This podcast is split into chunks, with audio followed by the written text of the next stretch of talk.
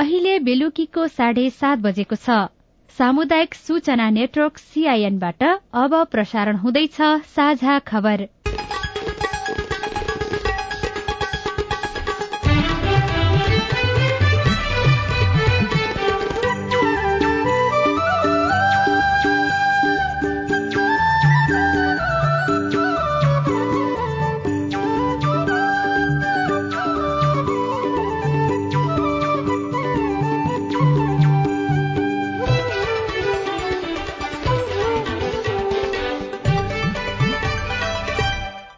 सीआईएनको साझा खबरबाट दीपक आचार्यको नमस्कार। साझा खबर देशभरिका सामुदायिक रेडियो सीआईएनको फेसबुक पेज र मोबाइल एप सीआईएनबाट सुन्न सकिन्छ।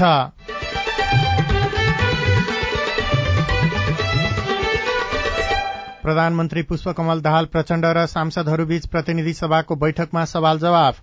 नागरिकता विधेयक फेरि संसदमा ल्याउनु पर्ने प्रतिपक्षी दलको माग। अदालतको आदेशको निष्कर्ष कुर्ने प्रचण्डको भनाई। राष्ट्रपति कार्यालयको दराजमा छ त्यो विधेयक। अब संविधान नबिचिकन संविधानमाथि प्रश्न नउठ्ने गरी त्यसलाई प्रमाणीकरण गर्ने हामीसँग विकल्प के छ? मध्यम तथा लामो दूरीका सार्वजनिक सवारीका लागि नयाँ नियम लागू गर्दै सरकारद्वारा सार्वजनिक सूचना जारी जिल्ला स्थित संरचना खारेज गर्ने सरकारको निर्णयप्रति निर्वाचन आयोगको असन्तुष्टि। युनिट जिल्ला प्रशासन कार्यालयमा राख्ने कुराले गर्दा निर्वाचनको स्वच्छता स्वतन्त्रता र निष्पक्षतामा प्रश्न उठ्ने सम्भावना हुन सक्छ पर्यटन उद्योगमा लगाएको करको विरोध भएपछि अर्थ मन्त्रालयद्वारा अध्ययन समिति गठन। नेपालमा उच्च रक्तचापका बिरामीको संख्या बढ़दै सन्तुलित जीवन जिउन चिकित्सकको सुझाव। बस्नलाई चाहिँ हामीले तनाव जीवन पोसिलो कुराहरू नुन कम एक्सर्साइज चिल्लो चाप्लो भुटा फ्राई कम रक्सी चुरोट खैनी नचाहिने चिज नखाने। र जापानद्वारा एक वर्षमा गर्मीका कारण हुने मृत्यु आधा घटाउने लक्ष्य तथा कार्यक्रम सार्वजनिक।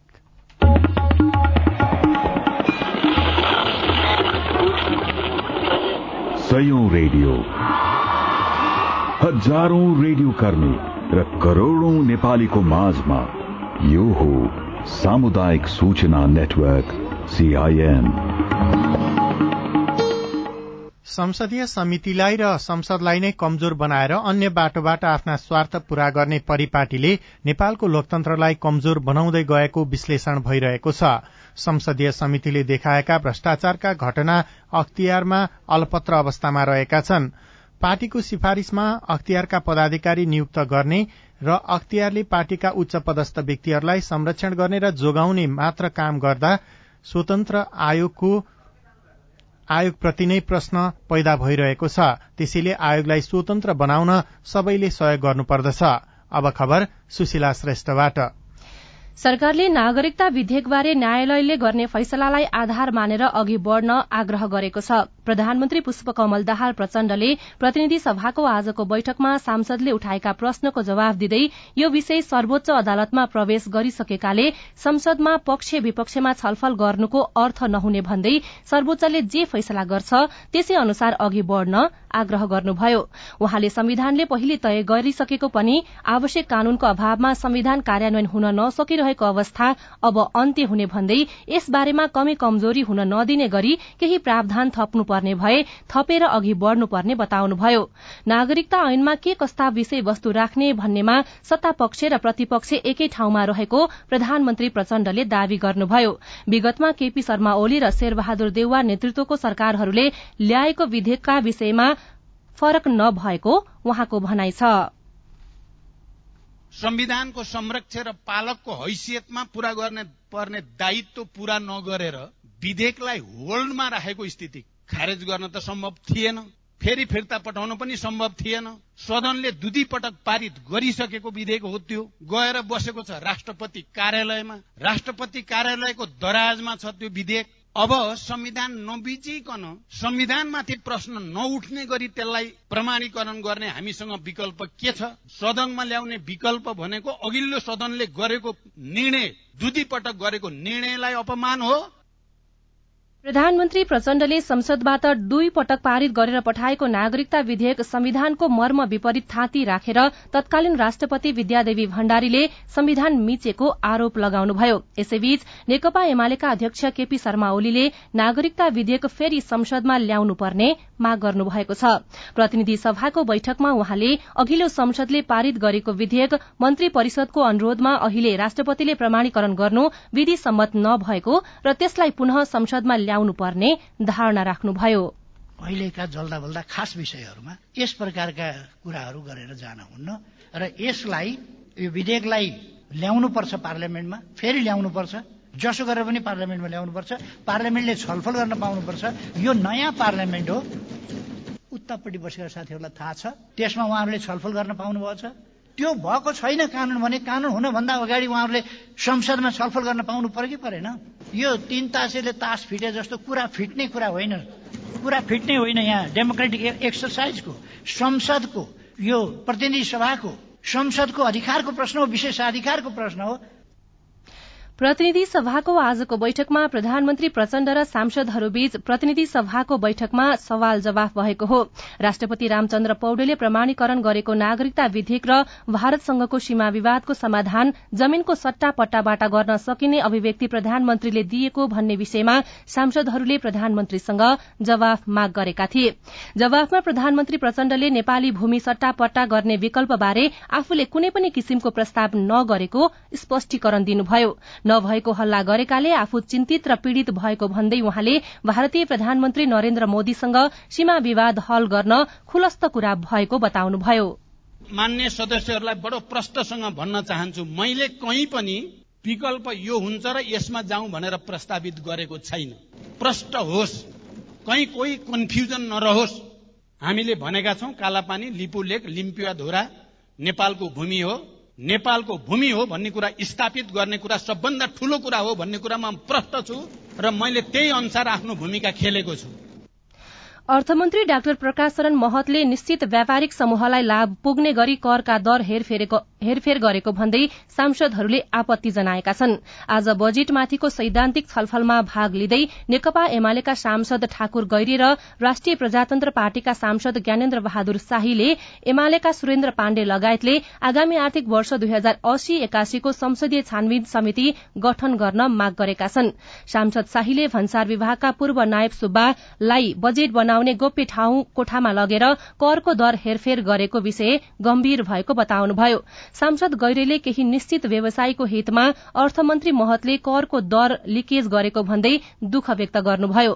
गैरेले निश्चित घरानाका मान्छेहरूलाई करमा छूट दिने गरी बजेटमा लिकेज हुँदा सरकारप्रति विश्वास गर्ने ठाउँ नरहेको बताउनुभयो।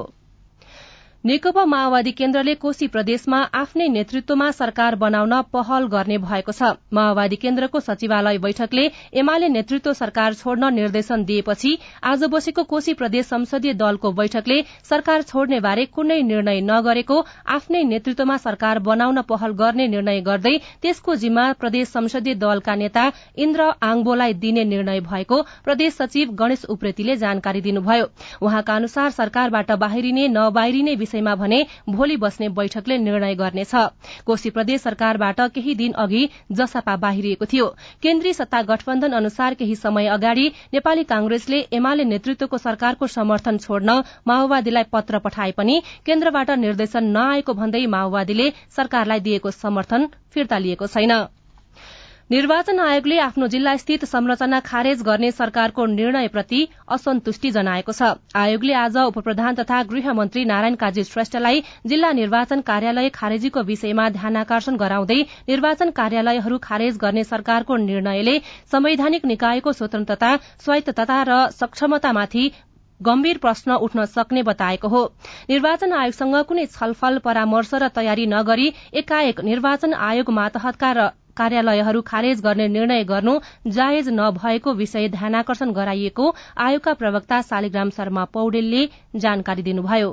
कुनै पनि छलफल र परामर्श नभइकन कुनै पनि खालको पूर्व तयारी नगरिकन यसरी बजेट वक्तव्यको माध्यमबाट खारेज भएर आएको कुरामा आयोगले यसमा अलिकति गम्भीर रूपमा यो प्रश्न उठाएको छ। निर्वाचनको स्वच्छता स्वतन्त्रता र निष्पक्षता मतदाता नामावली संकलनदेखि नै शुरू हुन्छ। अब मतदाता नामावली संकलन आयोग मार्फतको वा आयोगले अधिकार प्रत्याजन गरेको अङ्गबाट नगरेर सरकारको बजेट वक्तव्य मार्फत ल्याइएको र एउटा युनिट जिल्ला प्रशासन कार्यालयमा राख्ने कुराले गर्दा निर्वाचनको स्वच्छता स्वतन्त्रता र निष्पक्षतामा प्रश्न उठ्ने सम्भावना हुन सक्छ त्यसो भएको हुनाले आयोगको क्लियर कट धारणा के हो भने यो आयोग मार्फतको कार्यालय रहनुपर्छ। सरकारले नयाँ बजेट वक्तव्यमा खर्च कटौती गरी मितव्ययिता अपनाउने भन्दै जिल्ला निर्वाचन कार्यालयलाई खारेज गरी जिल्ला प्रशासनको इकाई राख्ने व्यवस्था गरेको छ। नेपालमा उच्च रक्तचाप अर्थात हाई ब्लड प्रेशरका बिरामीको संख्या बढ़दै गएको छ। स्वास्थ्य बीमा बोर्डका अनुसार स्वास्थ्य बीमा रकमका लागि सबैभन्दा बढ़ी उच्च रक्तचापका बिरामी रहेका छन्। बोर्डले सार्वजनिक गरेको वार्षिक प्रतिवेदन अनुसार बीमा रकम दावी गर्ने मध्ये उच्च रक्तचापका बिरामीको संख्या एक्काइस दशमलव सात प्रतिशत छ।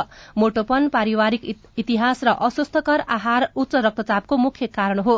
खानपान र शारीरिक परिश्रमलाई ध्यान नदिँदा उच्च रक्तचापको सन्तुलन बिग्रने डाक्टरहरू डाक्टरको भनाइ छ।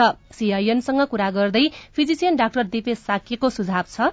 र यसबाट बस्नलाई चाहिँ हामीले तनाव र जीवन पोसिलो कुराहरू नुन कम एक्सर्साइज चिल्लो चाप्लो भुटा फ्राई कम रक्सी चुरोट खैनी नचाहिने चिज नखाने यो सँगै किडनीहरू बचाउनु पर्यो थाइरोइडको बिमारी छ भने थाइरोइडलाई बचाउनु पर्यो कोलेस्ट्रोल छ भने कोलेस्ट्रोलको औषधि खानु पर्यो। अबाउट एटी पर्सेन्ट केसेसमा चाहिँ तपाईँको चाहिँ वंशाणुगत पनि प्रेसर आउने भएको हुनाले बुवा आमालाई प्रेसर छ भने समयमै आफूलाई प्रेसर आउनुभन्दा अगाडि नै टाइम टाइममा आफूलाई स्क्रिन गरिराख्ने यदि प्रेसर आयो भने समयमै औषधि खाने यो सबै चिज गरेर बच्न सकिन्छ। साझा खबरमा अब विदेशको खबर। जापानले गर्मीका कारण हुने मृत्यु आधा घटाउने लक्ष्य लिएको छ। गर्मीका कारण पाँच वर्षमा वार्षिक औषध एक हजार दुई सय पञ्चानब्बे जनाको मृत्यु हुने गरेकोमा सन् दुई हजार तीससम्ममा मृत्युको संख्या आधा घटाउने लक्ष्य राखिएको जापान सरकारले जनाएको छ।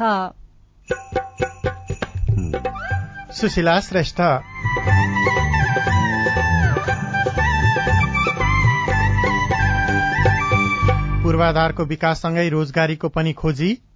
स्थल सञ्चालनमा आएको छ। त्यसरी जति सक्दो यहाँको स्थानीयहरूलाई रोजगारीको अवसरहरू प्रदान गरेमा हामी आभारी हुने थियौं। आत्मनिर्भर बन्ने नागरिकको सपना रिपोर्टसँगै वन वातावरणको संरक्षणमा प्रदेश सरकारको योजना लगायतका विशेष सामग्री बाँकी नै छन्। सीआईएनको साझा खबर सुन्दै गर्नुहोला।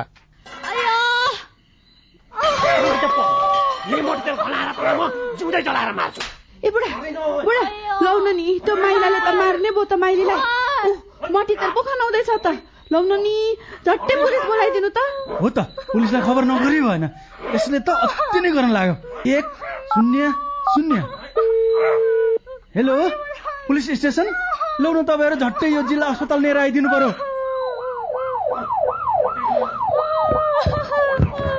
तपाईँहरू जस्तो असल छिमेकीलाई चाहिँ धेरै धन्यवाद है। हामीलाई बेलैमा खबर गरिदिनु भएर थप अप्रिय घटना हुन पाएन।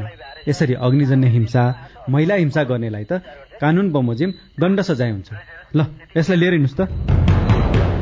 सावधान। पेट्रोल मट्टीतेल जस्ता ज्वलनशील पदार्थ लगायत तेजाब करेन्ट आदिले जलाई ज्यान मार्ने अङ्गभङ्ग गर्ने शारीरिक क्षति पुर्याउने जस्ता आपराधिक कार्य गर्नेलाई प्रचलित कानून अनुसार कडा भन्दा कडा सजाय तथा जरिवानादेखि जन्म कैदसम्म हुने व्यवस्था छ। त्यस्ता कार्य नगरौं नगराउ।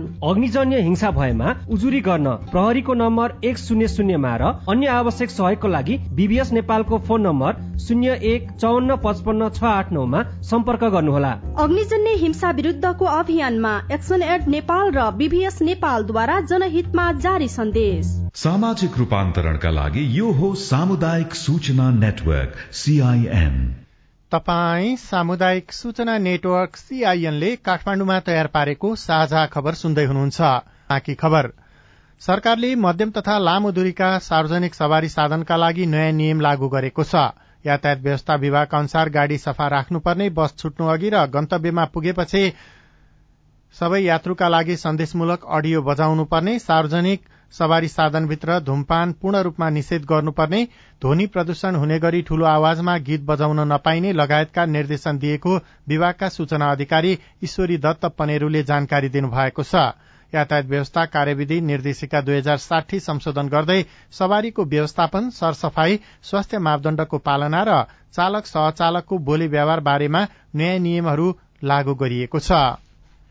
सड़क यातायातको सहज पहुँच नभएका विकट क्षेत्रमा सरकारले हवाई यातायात विस्तार गरेको छ तर कतिपय विकट क्षेत्रमा विमानस्थल बन्द रहेका छन्। नेपालका बाहन्नवटा विमानस्थल मध्ये एक्काइसवटा विमानस्थल बन्द अवस्थामा रहेका छन्। जसका कारण ती क्षेत्रका नागरिकले यातायातका लागि शास्ति खेप्नु परिरहेको छ। तर सत्र वर्ष अघि निर्माण शुरू गरेको गुल्मीको रेसुङ्गा विमानस्थल सञ्चालनमा आएसँगै गुल्मीका जनता भने दंग रहेका छन्। गत वैशाख उन्तिस गतेदेखि रेसुङ्गा विमानस्थलमा नेपाल वायु सेवा निगमको जहाजले नियमित उडान गरिरहेको छ। सड़क यातायात मार्फत सदरमुकाम तमघासबाट काठमाडौँ पुग्न बाह्र घण्टा बढ़ी लाग्छ। अब रेसुङ्गाबाट हवाई यात्रा गर्दा करिब पैंतालिस मिनट भित्रै राजधानी पुग्न सकिने भएपछि स्थानीय पर्मिला खनाल खुसी हुनुहुन्छ। एकदमै खुसी लाग्यो। पहिला गाडीमा आउँदाखेरि बमिट गर्दै यताउता एकदमै चौध पन्ध्र घन्टाको बाटो आउनु पर्थ्यो। अहिले आफ्नै गाउँमा यस्तरी प्लेन आउँदाखेरि धेरै सजिलो भयो। राम्रोसँग ल्याउनु भयो त्यस्तो केही गाह्रो भएन। विमानस्थल निर्माणका लागि झण्डै छत्तीस करोड़ खर्च भएको छ। छपन्न रोपनी क्षेत्रफलमा फैलिएको यो विमानस्थल बनाउने क्रममा चौध घर विस्थापित भएका थिए। नियमित जहाज उड्न थालेपछि उनीहरू समेत खुसी भएका छन्। विस्थापित परिवारका सदस्य रोजगारीको पर्खाइमा रहेको मधु कुँवर बताउनुहुन्छ। रोजगारीको लागि भनेर यहाँको जनताले जसरी आफ्नो घर जग्गाहरू मुआब्जाको रूपमा सरकारलाई दिएर आफ्नो वासस्थान सार्नुभयो। जसरी विमानस्थल सञ्चालनमा आएको छ त्यसरी जति सक्दो यहाँको स्थानीयहरूलाई रोजगारीको अवसरहरू प्रदान गरेमा हामी आभारी हुने थियौँ। नेपाल नागरिक उड्डयन प्राधिकरणले नेपाल वायु सेवा निगमलाई हप्ताको दुई दिन उडानका लागि अनुमति दिएको छ। तर जहाजको अभावका कारण हालको लागि हप्ताको एक दिन मात्रै उडान भइरहेको छ। शुक्रबार बिहान साढे छ बजे काठमाडौँबाट रेसुङ्गा विमानस्थलका लागि उडान भर्ने र सात बजेर चालिस मिनटमा पुनः काठमाडौँ फर्कने तालिका तय भएको विमानस्थलका प्रमुख ईश्वर बस्याल बताउनुहुन्छ। हाल वायुसेवा निगमको काठमाडौँ रेसुङ्गा काठमाडौँ सेक्टरमा हप्ताको प्रत्येक शुक्रबार शेड्युल फ्लाइटको लागि उडान तालिका स्वीकृत भएको छ। जस अनुसार काठमाडौँ रेसुङ्गा सेक्टरमा शुक्रबार बिहान छत्तीस बजे उडान समय तोकिएको छ भने रेसुङ्गा काठमाडौँ सेक्टरमा बिहान सातिस बजे उडान समय तोकिएको छ। हाल काठमाडौँका लागि छ हजार तीन सय औसत भाडा तोकिएको छ। यात्रु धेरै हुने र हप्ताको एक दिन मात्रै उडान हुँदा समस्या हुने गरेको छ। यसको व्यवस्थापनमा स्थानीय सरकारको भूमिका के रहन्छ? रेसुङ्गा नगरपालिकाका नगर प्रमुख खिलदोज पन्थी। हामी सबै हर्षित छौँ। यो गुल्मीवासीको निम्ति हामी सबैको निम्ति गर्वको कुरा पनि हो। त्यो बेला एउटा सहमति के भएको थियो भने यात्रीहरूको संख्या हेरेर चाप हेरेर त्यसलाई बढाउँदै लाने भन्ने कुरा पनि सौतमा लेखिएको छ। त्यसले गर्दाखेरि हामीले जुन अस्ति शुक्रबार पहिलो उडान शुभारम्भ गर्यौँ गरिसकेपछि यात्रीको चाप चाहिँ हत्ती बढेको छ। यो बढिसकेपछि अस्तिबाट नै मैले नेपाल एयरलाइन्ससँग चाहिँ निरन्तर छलफल गरेको छु छलफल चलाएको छु। सँगसँगै नारी उड्डयन प्राधिकरणले चाहिँ हप्तामा दुईवटा जहाज चलाउने अनुमति पनि दिइसकेको छ। यसको लागि अफिसियल रूपमा चाहिँ आजबाट पनि हामीले केही काम प्रारम्भ गर्छौँ र हप्ताको दुईवटा चाहिँ जहाज चलाउने कुरोमा चाहिँ हाम्रो तर्फबाट चाहिँ थप अगाडि बढाउँछौँ। लामो समयपछि आफ्नै ठाउँबाट हवाई यात्रा गर्न पाएकोमा गुलमेली जनता खुसी छन् तर नियमित उडान नहोला कि भन्ने चिन्ता समेत उनीहरू बताउँछन्। डिबी खड्का सीआईएन सामुदायिक रेडियो स्काई गुल्मी। साझा खबरमा अब हेलो सीआईएन सुनिल राज भारतबाट। म राजस्थान विश्वविद्यालयमा पढ्ने विद्यार्थीको अभिभावक हुँ। विगत एक वर्षदेखि यस विश्वविद्यालयमा भिसी रजिस्ट्रार र क्याम्पस कोही छैनन्। पठन पाठन र परीक्षा प्रणालीसम्म हुन सकेको छैन। कहिलेसम्म भिसी रजिस्ट्रार पाउँछन् होला? उत्तर पाए अगाडि हुने थिए। धन्यवाद। तपाईँको प्रश्न हामीले शिक्षा विज्ञान तथा प्रविधि मन्त्रालयका प्रवक्ता दीपक शर्मालाई सुनाएका छौं। त्यो विषय चाहिँ प्रक्रियामा छ त्यसको समिति हुने गठन हुने प्रक्रियाहरूमा रहेको हुनाले प्रक्रियागत ढङ्गमा छुट्टै समिति भएको हुनाले मन्त्रालयले सिधै गर्ने विषय हुँदैन। त्यो प्रक्रियामा रहेको कुरा यहाँलाई जानकारी गराउँ। म अम्बादत्त जोशी दृष्टिविहीन शिक्षक नेपालका सार्वजनिक विद्यालयमा कार्यरत दृष्टिविहीन शिक्षकहरूले आफूले पढाउने विषयका ब्रेल पाठ्य पुस्तकहरू निशुल्क रूपमा प्राप्त गर्न सक्छन् कि सक्दैनन्? यदि सक्छन् भने के कस्ता प्रक्रियाहरू अपनाउनु पर्छ जवाफ दिँदै हुनुहुन्छ शिक्षा तथा मानव स्रोत विकास केन्द्रका समावेशी शिक्षा शाखाका निर्देशक विद्या दवाडी। अहिलेसम्म कुनै पनि कानूनले दृष्टिविहीन शिक्षकले आफूले अध्यापन गर्ने पाठ्य पुस्तक निशुल्क पाउँछन् भन्ने कुरा लेखेको चाहिँ छैन। तर अब बेल पाठ्य पुस्तक छपाई गर्ने संस्था चाहिँ दृष्टिविहीन कल्याण संघ र नेपाल नेत्रहीन संघले चाहिँ गयो भने उहाँहरूले चाहिँ सहुलियत दरमा उपलब्ध गराउँछ। अनि बर्दिवासबाट हरिदेव महतो भन्नुहुन्छ सर्पले टोक्दा तीन वर्ष अघि दाईको मृत्यु भएपछि बर्दिवास अस्पतालमा सरकारले केही उपकरण उपलब्ध गरायो तर दक्ष जनशक्तिको अझै अभाव छ यसैले उपचार पाउन सकिएको छैन। हरिदेवजी यसबारेमा हामीले सामाजिक विकास मन्त्रालयका मध्य प्रदेशका वरिष्ठ जनस्वास्थ्य प्रशासक डाक्टर मुक्तिनारायण शाहलाई सोधेका छौं। अस्पताल त्यहाँको स्थानीय अन्तर्गतको अस्पताल हो। प्रदेश सरकारले के सहयोग गरिदिनुपर्छ उहाँहरूले सहयोग माग्नुभयो भने हामी तयार छौँ। तालिमै दिनु पर्यो भने तालिमलाई माग गर्ने के तालिम चाहियो स्नेक तालिम चाहियो कसले हामी फेरि पनि बजेट राख्दैछौँ। अहिले बजेटको काम भइरहेछ। तालिम केन्द्र मार्फत त्यो के अरे तालिम आयोजना गरिन्छ। मेडिकल लिगलदेखि लिएर स्नेक बाइट कुकुरले टोकेको लगायत। तपाईँ जुनसुकै बेला हाम्रो टेलिफोन नम्बर शून्य एक बाहन्न साठी छ चार छमा फोन गरेर आफ्नो प्रश्न गुनासा तथा प्रतिक्रिया रेकर्ड गराउन सक्नुहुनेछ। तपाई सामुदायिक सूचना नेटवर्क सीआईएनले काठमाण्डुमा तयार पारेको साझा खबर सुन्दै हुनुहुन्छ। करोड़ौंको काठ भित्रदै स्वार्थका कारण स्वदेशको काठ भन्ने कुहिने अवस्थामा। उहाँहरूले चाहिँ बाध्यता भयो भन्नुहुन्छ। नीतिगत भ्रष्टाचार भनेको यस्तैमा भएको छ। बाहिरबाट काठ ल्याउँदाखेरि कमिसन धेरै आउँछ। नेपालको काठ उपयोग नीतिका लागि नेतृत्व बाधक कि नीति बाधक कुराकानी बाँकी नै छ। सीआईएनको साझा खबर सुन्दै गर्नुहोला।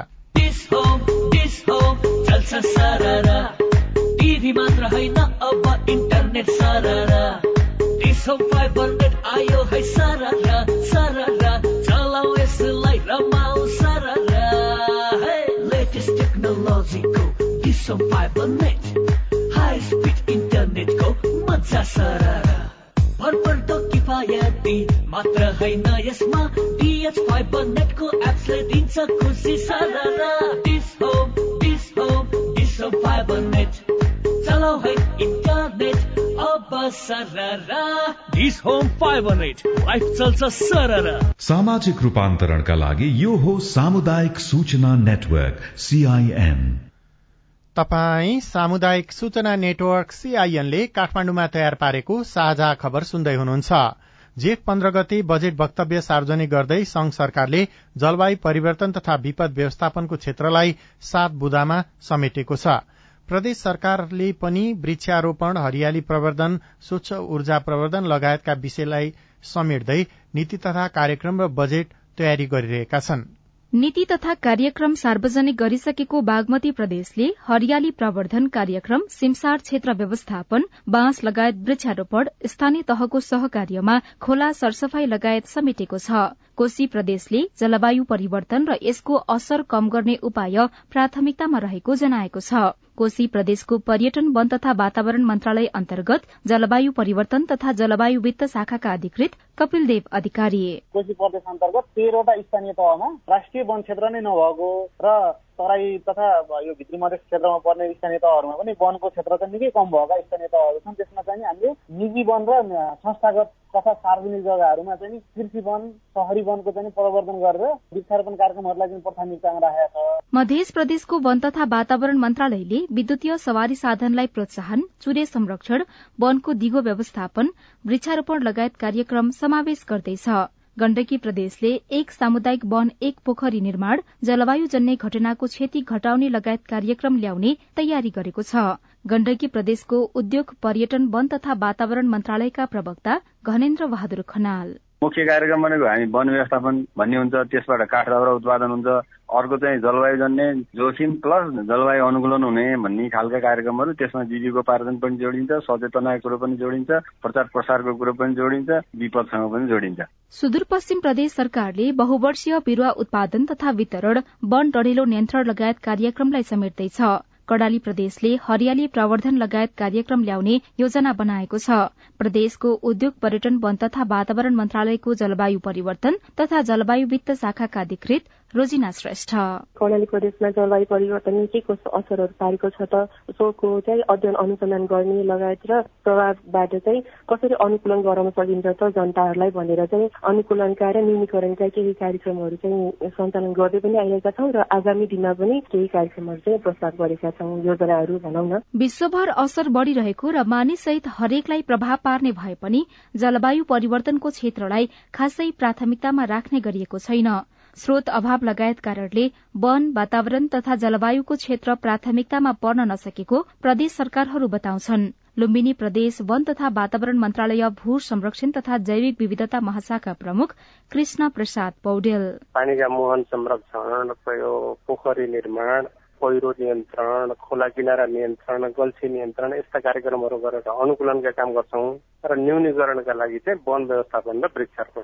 संघ सरकारको बजेटमा संघ प्रदेश र स्थानीय तहको समन्वय र सहकार्यमा जलवायु परिवर्तन न्यूनीकरण र अनुकूलन सम्बन्धी राष्ट्रिय लक्ष्य हासिल गर्ने त्रिचालिसवटा स्थानीय तहमा नेपाल जलवायु नमूना कार्यक्रम सञ्चालन गर्ने उल्लेख छ। जलवायु परिवर्तन तथा अनुकूलन विज्ञ डाक्टर दिपेन्द्र जोशी केन्द्रदेखि स्थानीय तहसम्मले सरकारले प्रतिबद्धता जनाएका विषयलाई कार्यान्वयन गर्न सहयोग पुग्ने कार्यक्रम र बजेट ल्याउनुपर्ने बताउनुहुन्छ।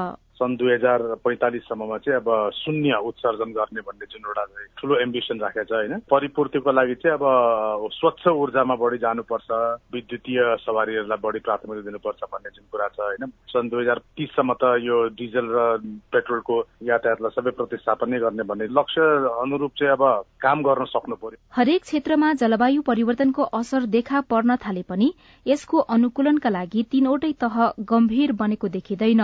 उषा तामाङ सीआईएन काठमाडौँ। वन क्षेत्र विस्तार र संरक्षणको कुरा एकातर्फ छ तर नेपालमा वर्षेनी करोड़ौंको काठ विदेशबाट आयात हुने गरेको छ। नेपालको वन क्षेत्रको काठ खेर गइरहँदा यसको संकलन र उपयोगको बारेमा नीतिगत निर्णय र त्यसको कार्यान्वयन भने हुन सकेको छैन। यसको कारण र समस्या समाधानका उपायका बारेमा हामीले सामुदायिक वन उपभोक्ता महासंघका अध्यक्ष ठाकुर भण्डारीसँग कुराकानी गरेका छौं। नेपालको काठ कुहिएको छ। नेपालको काठ यति धेरै छ त्यो बजारमा ल्याउने हो भने नेपालले खपत नगरेर काठ बाहिर बेच्न सकिन्छ। तर जो मान्छे जिम्मेवार ठाउँमा छ माननीयहरू हुनुहुन्छ जिम्मेवार राजनीतिक पार्टीका नेताहरू हुनुहुन्छ सरकारमा बस्नेहरू हुनुहुन्छ कर्मचारी साथीहरू हुनुहुन्छ उहाँहरूले चाहिँ बाध्यता भयो भन्नुहुन्छ। नीतिगत भ्रष्टाचार भनेको यस्तैमा भएको छ। बाहिरबाट काठ ल्याउँदाखेरि कमिसन धेरै आउँछ। त्यो प्रमाणित हो भने त तपाईँहरूले उजुरी गर्नु पर्यो। होइन प्रमाणित भनेको यस्तो नीतिगत भ्रष्टाचारमा त यति पैसा लयो भनेर देखिन्छ। कानून त हेर्न पर्यो नि। कानून त प्रमाण के हो भने हाम्रा काठ कुहिएका छन्। तर विदेशबाट काठ आएको छ। सरकारले विदेशबाट काठ आयात गर्ने र भइराखेको देशभित्रको काठ नकाट्नुको कारण चाहिँ नीतिगत झन्झट अथवा समस्या पनि देखिने कि देखाइराखेको होइन हो त्यहीनिर नीति बनाउने को हो? त्यहाँ उपभोक्ताले नीति बनाउने हो। तलका अरूले बाहिर बाटोमा हिँड्नेले नीति बनाउने हो र होइन नि त। त्यसलाई कार्यान्वयन गर्ने मान्छेले नै यो भन्नु भनेको त्यहाँ नीतिगत भ्रष्टाचार होइन। सदनमा जानेहरू सरकार सञ्चालन गर्नेहरू थाई सरकारमा बस्नेहरूले यो भन्न पाइन्छ। किन? कसले रोक्यो?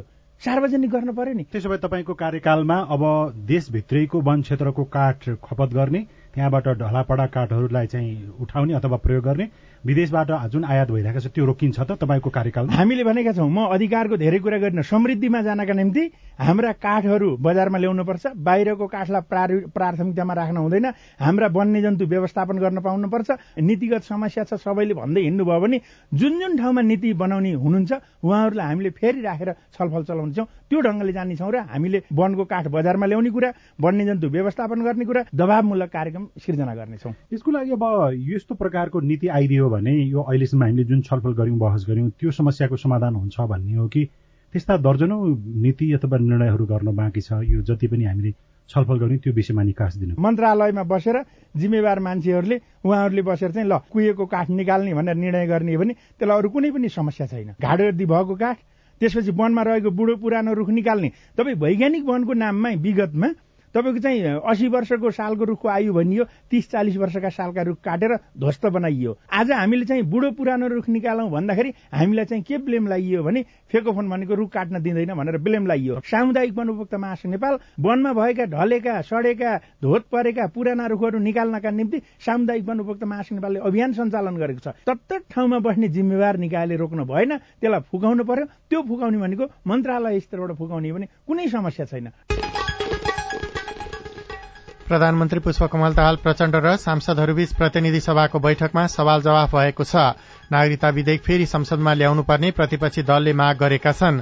नेकपा माओवादी केन्द्र कोशी प्रदेश सरकारबाट बाहिरिने भएको छ।